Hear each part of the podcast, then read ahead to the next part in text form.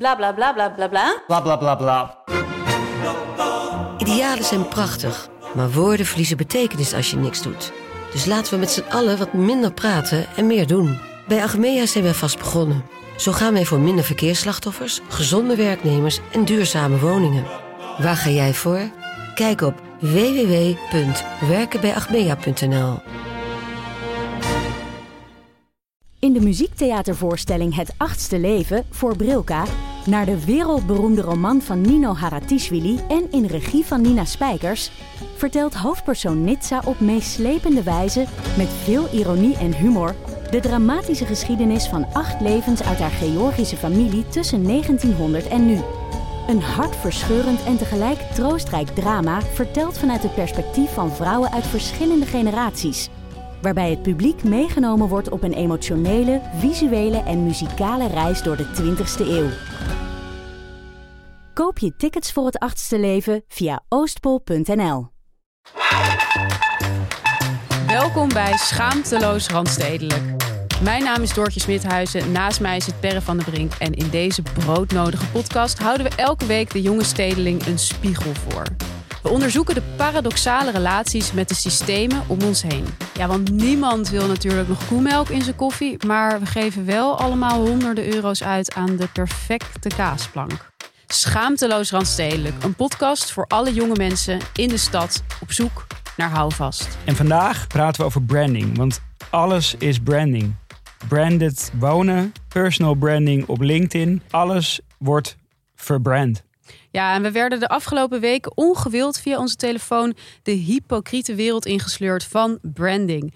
Niets is online wat het lijkt. Woningen van 20 vierkante meter worden verkocht als tiny lofts. En ijdele LinkedIn-berichten worden verpakt als morele reflecties. Voelt ook heel schofterig dat ik dit onderwerp ook aan het doen ben. Want dit is eigenlijk gewoon letterlijk mijn, Jouw mijn werk. Ja, Eh, maar goed, Jouw dit werk was eigenlijk een paradoxale actie van de week die we ja nu wilden gaan jouw werk verpakt als ironische podcast. Precies. Ja. We hebben een rubriek eh, waar mensen eh, hun schaamteloze landstedelijke actie van de week in kunnen zenden. Ja. Ehm, en we hebben echt een hele goede, goede inzending Hele ehm, goeie. binnengekregen. Van iemand die we ja, eigenlijk ehm, ter bescherming van, van eh, zijn of haar identiteit eh, anoniem gaan, ehm, gaan houden. Eh, of hen, inderdaad. Ehm, ik zal hem even voorlezen. Mijn meest schaamteloze randstedelijke moment was op mijn Van Moof. Biologische empanadas halen bij de markt met een Q. En toen op de pont naar Noord, naast een guy staan met precies dezelfde fiets, precies dezelfde schoenen, precies dezelfde rugtas en precies dezelfde jas. Samen huilend om onze karakterloze levensstijl het ei overgestoken. Prachtig, een soort gedicht, hè? Rosa, Ja. optima Heel forma. erg mooi.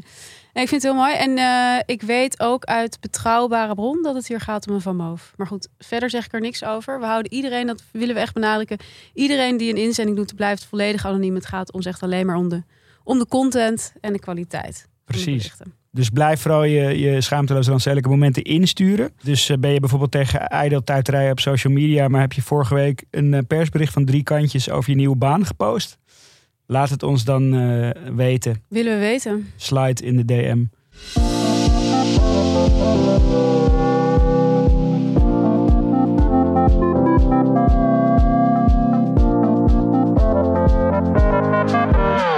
En dan nu eh, over naar de onderwerpen van vandaag. En we beginnen inderdaad met branded wonen. Ik werd de afgelopen tijd echt gespamd door allerlei huizenprojecten. ehm, die heel opvallend echt totaal losgezongen leken van enige context. Ik, ik kreeg de hele tijd een, een, een, een spam, een, een, een Instagram reclame voor eh, Hyde Park. Ja, Nou, dat ziet eruit alsof je ja, in Brooklyn, maar het zou ook Shanghai kunnen zijn.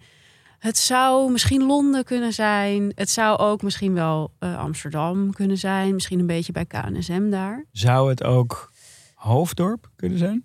Het is Hoofddorp. het is Hoofddorp. Maar dat vond ik dus al zo opvallend dat dat Hyde Park... Het maakt niet duidelijk waar het is. Het is een soort futuristische wereld. En het heeft ook allemaal hele ja, internationale namen. Dus het zijn allemaal huizenblokken met appartementen erin. En die heten dan Knightsbridge Ja, of Notting Hill. En inderdaad, je denkt dan eerst van, nou oké, leuk, aantrekkelijke plek. Ben benieuwd waar het is. Misschien is het ergens uh, bij Spakkelerweg of zo. Of, dan kom je dus achter dat het hoofddorp is. Helemaal, helemaal um, verleid door al die uh, interessante namen. En wat ik er al om te beginnen heel interessant aan vond, is dat er zo expliciet gerefereerd wordt aan Londen. Ja. Een paar jaar geleden hadden we het nog over Londen als een soort schrikbeeld. Weet je, Amsterdam moet geen Londen worden. Oh, het worden hier Londense prijzen. En nu heb je gewoon een Londense prijs met een Londense naam. Ja, het wordt, er wordt niet meer echt moeilijk over gedaan. Hè? Als je ook die website uh, uh, bekijkt. Dan Totaal niet. Beschrijven ze gewoon helemaal de, de, de, de vibe van die buurten, toch? Uh, Zo'n stukje over Kensington, over dat het chic is en dat dat dan ook in die wijk in Hoofddorp moet gaan ontstaan. Het is zo schaamelijk. Het begint ook al hoe, hoe het dan zichzelf verkoopt. Hè? Hyde Park is een hypermoderne stadswijk met internationale allure. ja. In Hoofddorp. Wel dicht bij Schiphol. Ja. Echt of, de wijk grenst aan een gezellig stadspark. Wat ik heel interessant vond, want ik had ook een ander, een ander ding wat wel in Amsterdam is, wat de hele tijd in mijn, ja, wat ik de hele tijd in mijn Instagram kreeg geduwd. En dat was dan de J. En dat is dan in het Bijenskwartier. Dat zijn ook allemaal kleine appartementen in grote gebouwen. En wat ik heel interessant vond aan allebei die projecten, is dat heel erg wordt benadrukt: het gaat hier niet om alleen maar huizen die je kan kopen of huren, geloof ik. Maar het gaat om een levensstijl. Mhm. Het gaat om wat zij noemen een hub. Er wordt heel erg uh, gezegd van je gaat de hele tijd lekker naar buiten. Of je nou naar dat stadspark gaat of naar de creative coworking space die hier Ja. ook is. Of dat je even leisurely een koffietje gaat halen en gaat rondlopen door het hypermoderne plein. Nou, je vraagt je af, het gaat toch uiteindelijk om het kopen van huizen. Waarom wordt dit dan zo benadrukt? Nou, even wat verder rondkijken en je komt er wel achter, omdat die huizen allemaal ongeveer een kast zijn. Je Ja. kan daar nauwelijks in wonen. Laat staan dat je erin kan werken en laat staan dat je er nog met iemand samen kan werken. Ja, ik snap wel dat ze zo inzetten op het constant naar buiten te gaan. Dit zijn gewoon huizen voor mensen voor wie Die niet ja, leven. wonen eigenlijk geen prioriteit. Die eigenlijk niet in die woning leven vooral. Nee, je leeft alleen maar daaromheen, want daar is tenminste nog ruimte om iets te doen. We hebben, we hebben even een, grondige analyse van, van de copywriting van die site gedaan. En eh, eh, er was dus één plekje waar ze ja, nog een soort van iets eh, down-to-earth eh, hoofddorp introduceerden. En dat was inderdaad zoiets als... ehm, ja, het is misschien niet de, de eerste plek waar je aan denkt bij zo wonen. Maar, en dan een epistel van drie kantjes over... over Waarom het toch wel heel waar het leuk is naartoe om in. Hoofddorp te wonen. Ja, ja. En, en, en, en ze verkopen ook een soort generiekheid, alsof het juist iets heel vets is. ja. Alsof het, dat het overal kan staan is juist de, Heel leuk. de asset Ja, die ze ja. verkopen, zeg maar. Het is echt voor mensen die ook echt zich geen enkele illusies maar meer maken over hun eigen nee, bijzonderheid. Nee het, het, ma- het, maakt- het, je moet het juist soort chill vinden dat het overal zou kunnen Ja. staan of zo. Ja, ik vond het ook heel grappig. Ik zag dus dat de architect hiervan is Winnie Maas. Mhm. En ik hoorde laatst een hele grappige anekdote over dat bureau. Dat zij dus toen ze net begonnen met werken, hadden ze zo'n soort van per ongeluk een hele grote klus binnengehaald van, ik geloof een, een Aziatische opdrachtgever of zo. Maar ze hadden gewoon niks. Ze hadden nog geen, ze hadden nog geen eens een kantoor. En toen hebben ze dus al hun spaargeld bij elkaar gelegd en een fucking dik kantoor gehuurd. Om die eh, klant eh, dan Te te ontvangen. en te doen van nou, dit is ons kantoor. Toen kregen ze dus een enorme opdracht daarvan. Ja. Terwijl dat dus helemaal niet hun kantoor. Dus la- pas later hebben ze een eigen kantoor. En ik vind het op een of andere manier heel tekenend dat zo'n architectenbureau dit dan doet. Ja, dus de, de, het de gaat bluff- allemaal om buitenkant. Ja, de bluff, de- je verkoopt de droom van later. En Ja, op zich, ik hou er aan de andere kant ook wel weer van. Of zo. Ik hou wel ook wel van dat soort ondernemersverhalen. Eh, maar in dit geval, als je echt een soort droom verkoopt die zo reëel lijkt. ja, en als je kijkt naar die prijzen, sorry hoor, dat je voor appartementen van 30 vierkante meter al rond de 4 ton zit. Ja. In Hoofddorp, Ja. weet je wel. Ja, Maar ik heb ehm, eh, ook wel eens eh, gewerkt eh, aan zo'n soort project. Dus Mhm. waarbij ehm, eh, een architect eigenlijk een soort pitch deed voor een nieuwe buurt. ja, En eigenlijk dus een beetje aan de andere kant van de tafel Ja. gezeten in, oké, hoe ga je het dan ook naar de gemeente toe pitchen? Dus dit ging om een project in een, in, een, in een nieuwe buurt. En eh, wat daar heel belangrijk was, is, was, dat, wat, was dat ze, aan de gemeente eh, lieten zien dat er een soort eh, connectie zou worden gemaakt met, met de gemeenschap. Want binnen die buurt, waar, waar een beetje een soort mix van vrije markt, huur, sociale huur en, en koopwoningen zou komen te staan. waren zij eigenlijk het, het, het duurste pand of de duurste flat. Eh, dus voor hun was het heel belangrijk om dat eh, goed over te brengen. Dat ze dat voornemens waren om echt die connectie te Ja. maken. En ja, wij gingen daar toen aan werken. En ehm, nou, dan ga je een beetje, beetje researchen, ook over stedelijke ontwikkeling. En Ja. wat, wat voor dingen zijn dan leuk om aan te halen.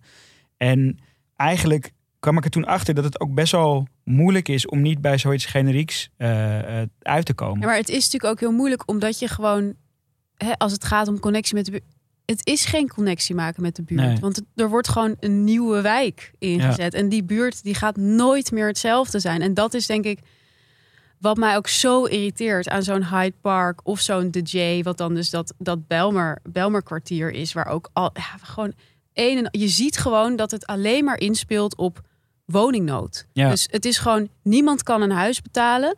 Eigenlijk zie je gewoon heel duidelijk, er wordt hier met, met zo, zo min mogelijk middelen op een zo goedkoop mogelijke plek worden huizen neergezet die dan voor echt een maximum bedrag Mhm. aan mensen worden ver- verkocht. Omdat ze toch nergens kunnen wonen. Dat Hyde Park, dat, dat zet 100% in volgens mij op mensen die gewoon Amsterdam niet meer kunnen betalen. Ja. Die dus wel 4 ton kunnen betalen, maar daar in Amsterdam niks meer mee kunnen wonen. Het is gewoon bijna niet meer te verkopen, dit soort, dit soort projecten eigenlijk. Omdat het gewoon schaamteloos profiteert van de totale stress die mensen Ja. hebben rond huizen. Ja. ja, ik vond het dus wel, om aan de andere kant van, van die tafel te zitten, was Ja. wel interessant. Want ik ging naar zo'n boek kopen en ik dacht, oké, we moeten een beetje een soort originele insteek Mhm. eh, gaan verzinnen. En nou, zo'n boek over stedelijke ontwikkeling. En dat, dat was een soort verzameling van, van case studies van allerlei steden. Ja. Waar dan interessante nieuwe ideeën over hoe je een gemeenschap creëert. En ehm, eh, ja, hoe je dat eigenlijk ontwerpt stonden. En ik dat, dat boek een beetje lezen. En, en dan, daar had ik dus ook hetzelfde bij van, oh ja, dit is... Dan kom je op een gegeven moment een voorbeeld uit Amsterdam tegen. Maar dat herken je helemaal niet als zodanig. Nee, Het zou ook Kopenhagen kunnen zijn. Of Madrid of wherever. Ehm, en ik denk dat dat ook een beetje een soort de... Ja, ik noem het altijd de Pinterestificatie van, Ja. van stedelijke ontwikkeling. Dus Pinterest, Pinterestificatie als in... Als je allemaal dezelfde bronnen hebt... dan kom je ook soort van met dezelfde ideeën. Of zo. Ja, maar dan Dus- is het toch helemaal krankzinnig dat er nog een idee bestaat van ja, we moeten een soort connectie maken met de buurt. Je maakt geen connectie met de buurt. Je maakt alleen maar connectie met zeg maar globale trends. Ja. ja, nee, precies. Maar ik denk dat dat soort, dat soort onderdelen van die eh, pitches en van dat soort concepten. eh, zijn er volgens mij ook vooral om, om een eh, goed Geld- woordje naar de geld te gemeente. krijgen van de gemeente. Ja, om- En ik vraag me dan heel erg af wat voor. Ehm, want ik, ik had een heel interessant, dat, dat moest ik nog aan jou vertellen. Ik ontmoette laatst een architect. En die werkt dus in Amsterdam Noord aan die Ivy-toren. ja, ja, ja, ja, ja. En ik hoorde daar dus van dat ehm, een deel van die torens wordt hotel. En waar gaat dat hotel zich op richten? Long stay. Ja. Maar niet zomaar long stay. Long stay voor Amsterdammers die op zoek zijn naar een huis. ja. Ja, toen dacht ik echt, wauw, Ja. dat dit ook nog gecapitaliseerd Ja. wordt. Dus het feit dat mensen niet een huis kunnen krijgen, ja.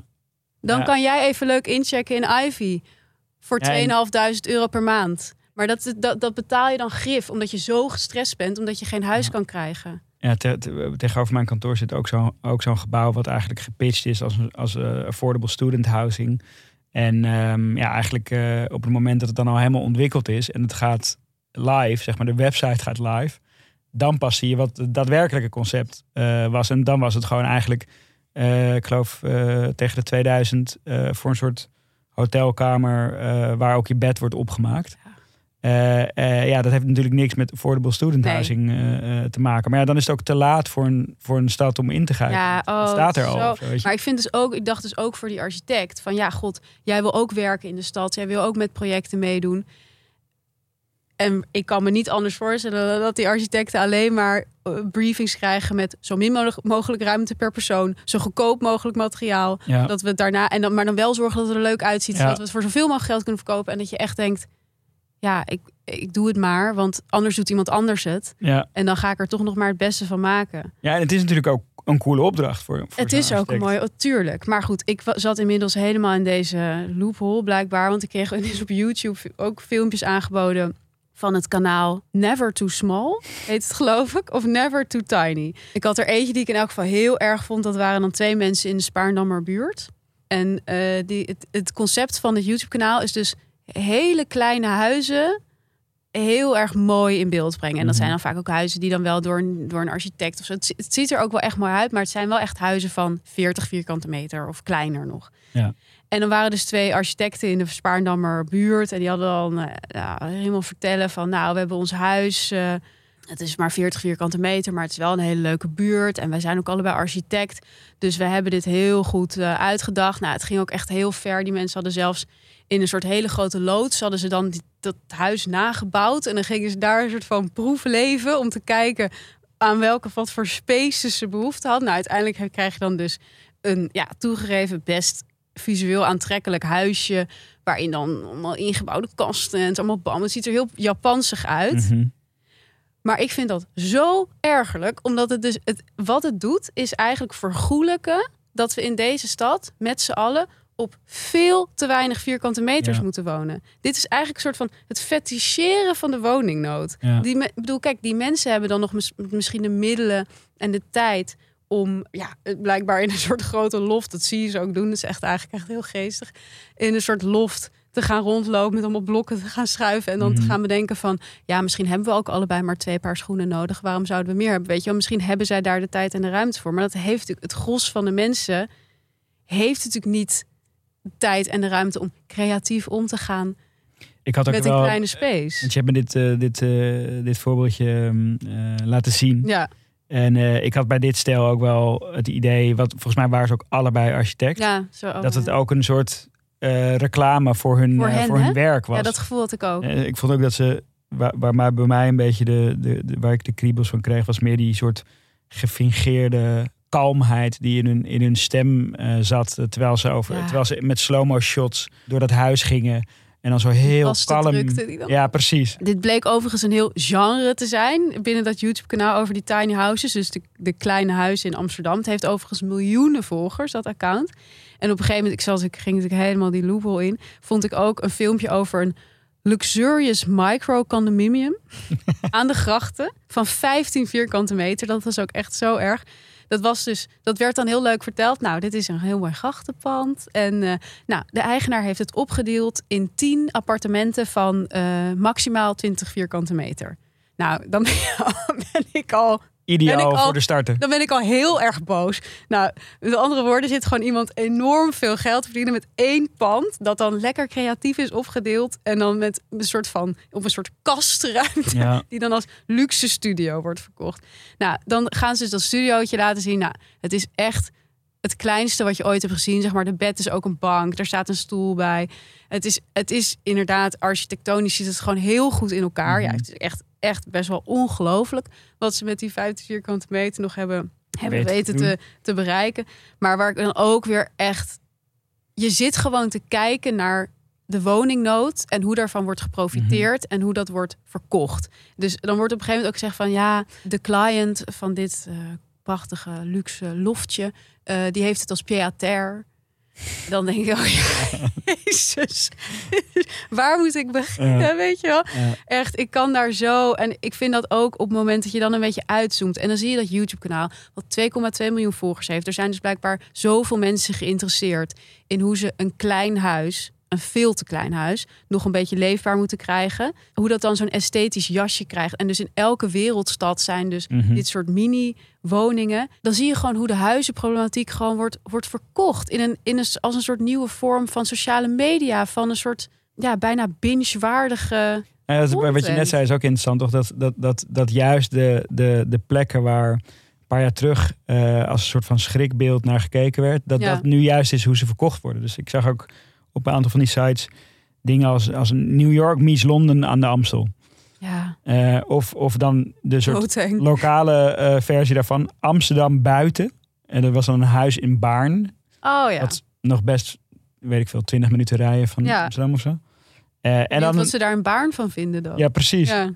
Eh, en eh, de, de, de klassieker natuurlijk, de, het, het project van, ehm, eh, van Prins Bernhard. eh, ehm, die op een gegeven moment die toren van ING in, Bo- in Mm. Bos en Lommer gewoon wit maakte, in appartementen veranderen. En, en ehm, het sprak van Bois en Lambre in, de, in de Ongelooflijk. Funda-ad. Bois et Lambre. En dan stond ook een van die woningen in, de, in, de, in die Funda-omschrijving. eh, stond ook een zeer courante woning in het hart van Bois en Lambre. Dat- Wat, wat natuurlijk even walgelijk, maar ik, Ja. vind het, ik vind het toch ook wel, ook wel echt hilarisch. Ja, Ehm, ook bij dat. Bias-kwartier eh, voorbeeld wat jij, wat, jij, ehm, wat jij eerder noemde. Ja, Eh, die probeerden het echt, eh, nou, ook, ook vanuit de soort van praktische ehm, eh, nadelen van zo'n klein huis. Laten we gewoon vooral focussen op wat je nog meer wat, wat, je, kunt buiten doen je buiten huis, dat doet. Ja, En dan hadden ze zo'n stukje, ik heb er een beetje in, in geknipt, maar dit was ongeveer de strekking. Koffie to go bij je favoriete tentje. Spontaan lunchen met vrienden en onderweg naar huis nog even snel een biologische takeaway in je tas. De stad is je achtertuin. Je kiest voor smart. Elke dag is anders. Je houdt je opties open. Je ziet wel hoe het loopt. Terrasje pakken, strandje aan de Amstel of een gezellige fruimibo met de buren in de gezamenlijke tuin van de J. Starter of senior, solo of samen, jong of oud. Hier woont alles door elkaar. Sorry, maar wie heeft er ooit spontaan geluncht met iemand? dat, vind ik echt, dat vind ik echt een vraag. Ja, echt. Maar ik, En ook dit vind ik ook wel. Elke dag is anders. Je houdt je opties open. Je ziet wel hoe het loopt. ja, ja, Want is je bent wel- namelijk totaal in paniek. Je hebt net een huis gekocht in Hoofddorp van 30 vierkante meter voor veel te veel geld. En Ja. nu moet je maar denken, ja, ik zie wel hoe het loopt. ja, en ook die hier woont alles door elkaar is ook, is ook gewoon heerlijk. Ja, dat is niet gewoon- waar. is gewoon niet Nee, feitelijk wonen- onjuist. Hier wonen alleen maar mensen met Ja. heel veel geld Ja. die dat over hebben eigenlijk om voor een mediocre ja, huis. voor wie dit de enige optie Ja. is. Die wel alsnog veel geld uitgeven, maar voor wie het gewoon letterlijk de enige optie eh, is. Nou, we gaan over een paar jaar maar eens kijken hoe het daar is in Hyde Park. Misschien is het wel heel leuk. Wellicht, ja. Eh, mis- misschien, nee, wij wonen daar niet over een paar jaar. Waarschijnlijk wonen wij daar. Echt verschrikkelijk eh, beeld.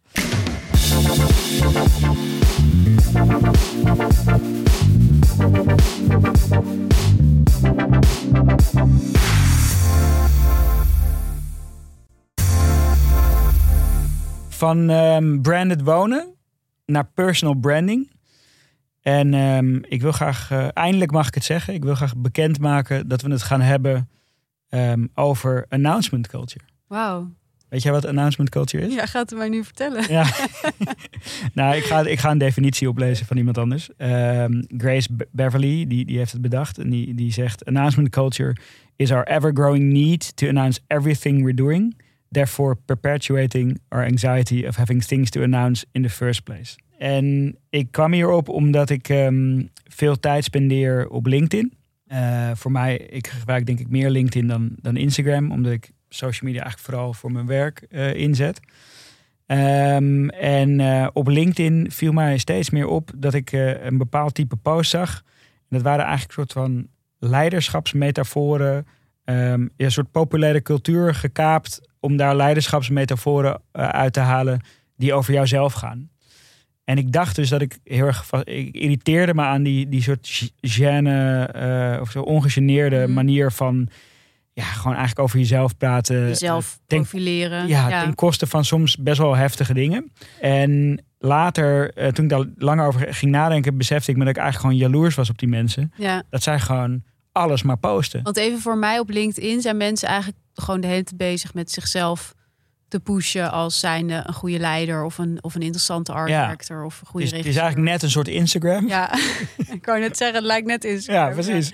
Ja. Maar dan eh, voor werk. Dus je bent eigenlijk gewoon op zoek naar, Ja. naar connecties en op zoek naar een soort nieuwe opdracht. Naar werk, ja. Ja, naar werk, weet je wel. Dus het is ook eh, logisch dat je jezelf profileert daarop. Ja, en post jij veel? Nee, ik, ik post heel, heel weinig. Dus als LinkedIn een schoolplein was, wat, wat was dan jouw rol? Eh, dan was ik denk ik wel een redelijk stil, verlegen jongetje. Die Eh, gewoon in zijn eentje zo zit. Ja, ja, ja. Ik, ik, ik bijvoorbeeld een nieuw bedrijf begonnen en eigenlijk de, de, na twee jaar pas een post over gedaan of zo. Ja. Eh, daar had je ook daar had je een half jaar over nagedacht. ja, ik had wel echt, echt eh, ik doe dan echt 15 versies en dan schuif ik het voor me uit. En eh, uiteindelijk post ik het dan. En dan ben ik ook van- vanaf het moment dat het daadwerkelijk online staat, Ja. dan verander ik eigenlijk in een soort populariteitsgeobsedeerd schoolplein joch.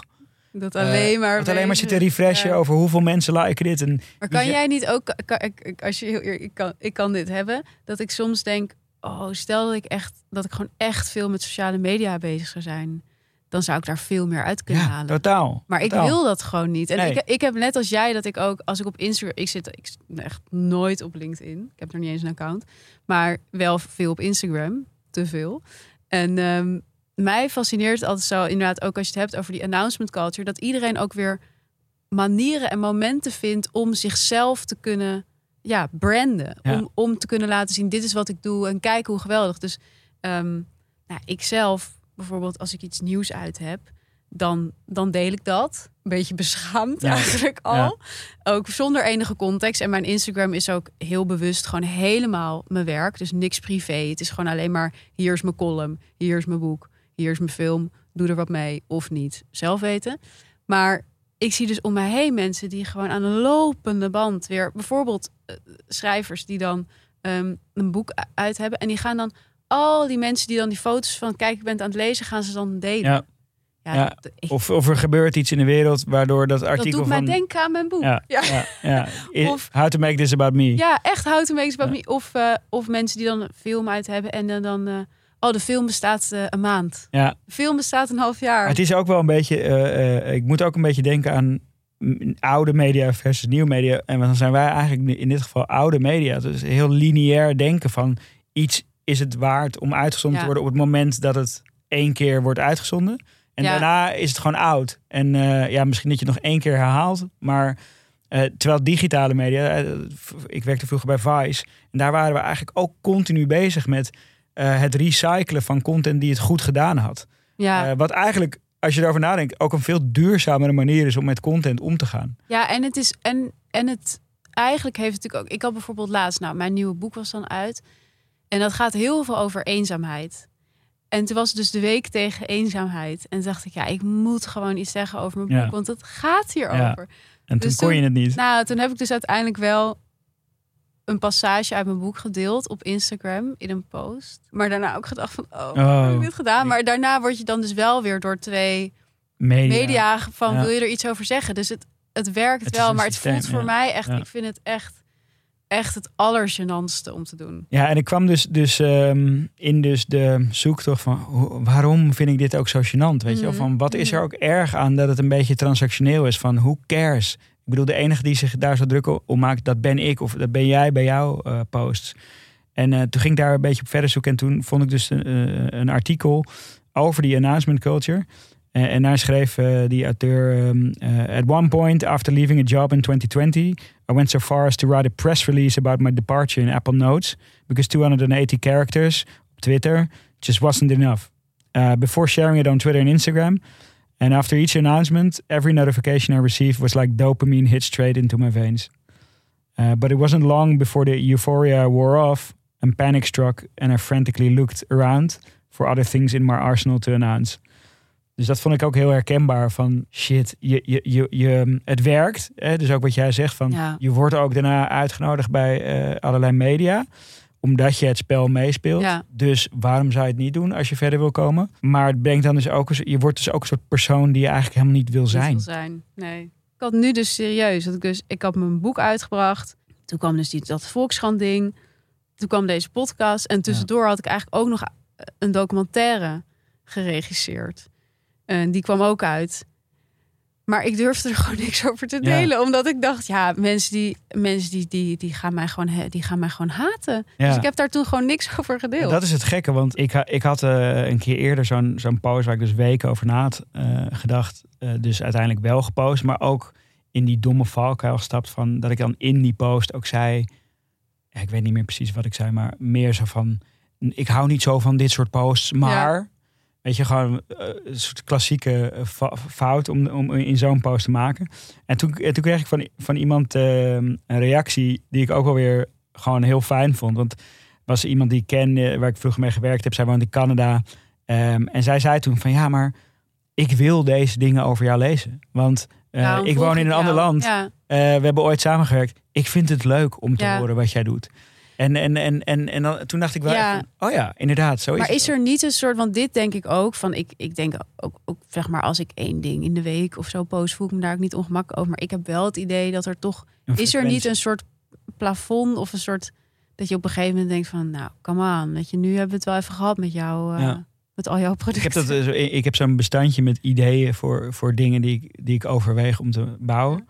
Eh, en, en ooit heb ik daar ook een zin in, in geschreven van ehm, een social network met een, met een maximum aantal posts per maand wat je kan doen. Zodat, zodat soort hele overwegen, wordt. Ja, ja, ja. wel overwogen dingen worden. Is het eh, misschien ook iets, iets, iets cultureel voor Nederlanders? Want eigenlijk als je over de Amerikaanse cultuur nadenkt, dan is het eigenlijk heel normaal om op een soort hele transactionele manier over dingen te praten, toch? Van iedereen gunt elkaar daar ook succes of zo. Terwijl hier veel meer ja, er altijd met een kritische noot wordt gekeken als je iets doet wat Ja. ook een soort pochen kan. Nou, kan- en ik weet ook wel dat ik, ik kan wel, ik krijg wel de reactie ook van mensen van zo, jij bent ook productief. ja. Dat vind ik altijd zo. Maar wat vind je? Want, want dat is toch eigenlijk een compliment. Ja, ik weet niet wat ik daarvan moet vinden.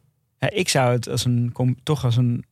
Ik zou ja. Ik denk dat ze het goed bedoelen. Maar het is, het is altijd heel makkelijk om dit van die ander eh, eh, eh, te zeggen, toch? Ja, maar het is toch niet, als jij iets nieuws maakt, dan zegt toch niemand tegen jou zo, productief? Dan zeg je toch, goh, leuk. Of Ja, oké. je ze zeggen dan over niks dat, over dat over ding. Ja, het, wat ja. je hebt gemaakt. En Ja. niet over, Ja, dus, dus, dus zo, jij werkt ook hard. Ja, is dat een compliment? Ik weet niet. Ja, nee, oké, oké, dat, dat begrijp ik wel. Maar ik denk dat zij het wel als een Als compliment, compliment bedoelen. Want ze bedoelen gewoon van... Wow, ik zie nu in één week zie ik, vier, zie ik vier interessante dingen van jou langskomen. Ja, Niet normaal eh, hoe productief jij bent. ja precies. Ik Ja. denk niet dat ze bedoelen van... Jezus, even denk je überhaupt na over die dingen die jij zegt? Eh, dit- zij bedoelen denk ik go- gewoon goed. En ben je op een andere manier gaan posten hierdoor? Nee, maar het, het is meer een soort... Ik wil dus heel graag dat wel doen. En dat is misschien ook wel onbewust een van de redenen dat ik ook deze podcast doe. Weet je wel? Dat ik eigenlijk ook in het reinen probeer te komen met meer in de buitenwereld eh, gewoon vertellen eh, wat ik, eh, waar ik allemaal mee bezig ben of zo. Ja, ja, oké. ja, we dus- dachten dat we hier voor de, voor de stedeling op zoek naar houvast Maar zaten. het bleek we zitten hier voor jou. Ja, ja, ja, ja, ja, ja. ja, misschien toch wel, ja.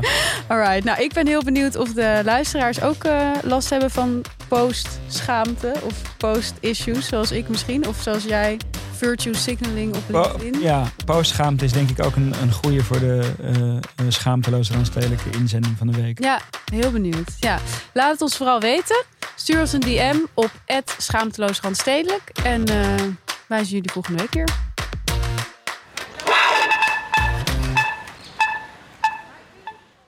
Nog even over die grootse en epische muziektheatervoorstelling. Het achtste leven voor Brilka is een marathonvoorstelling van 5 uur. Koop je tickets voor deze bijzondere theateravond via oostpol.nl.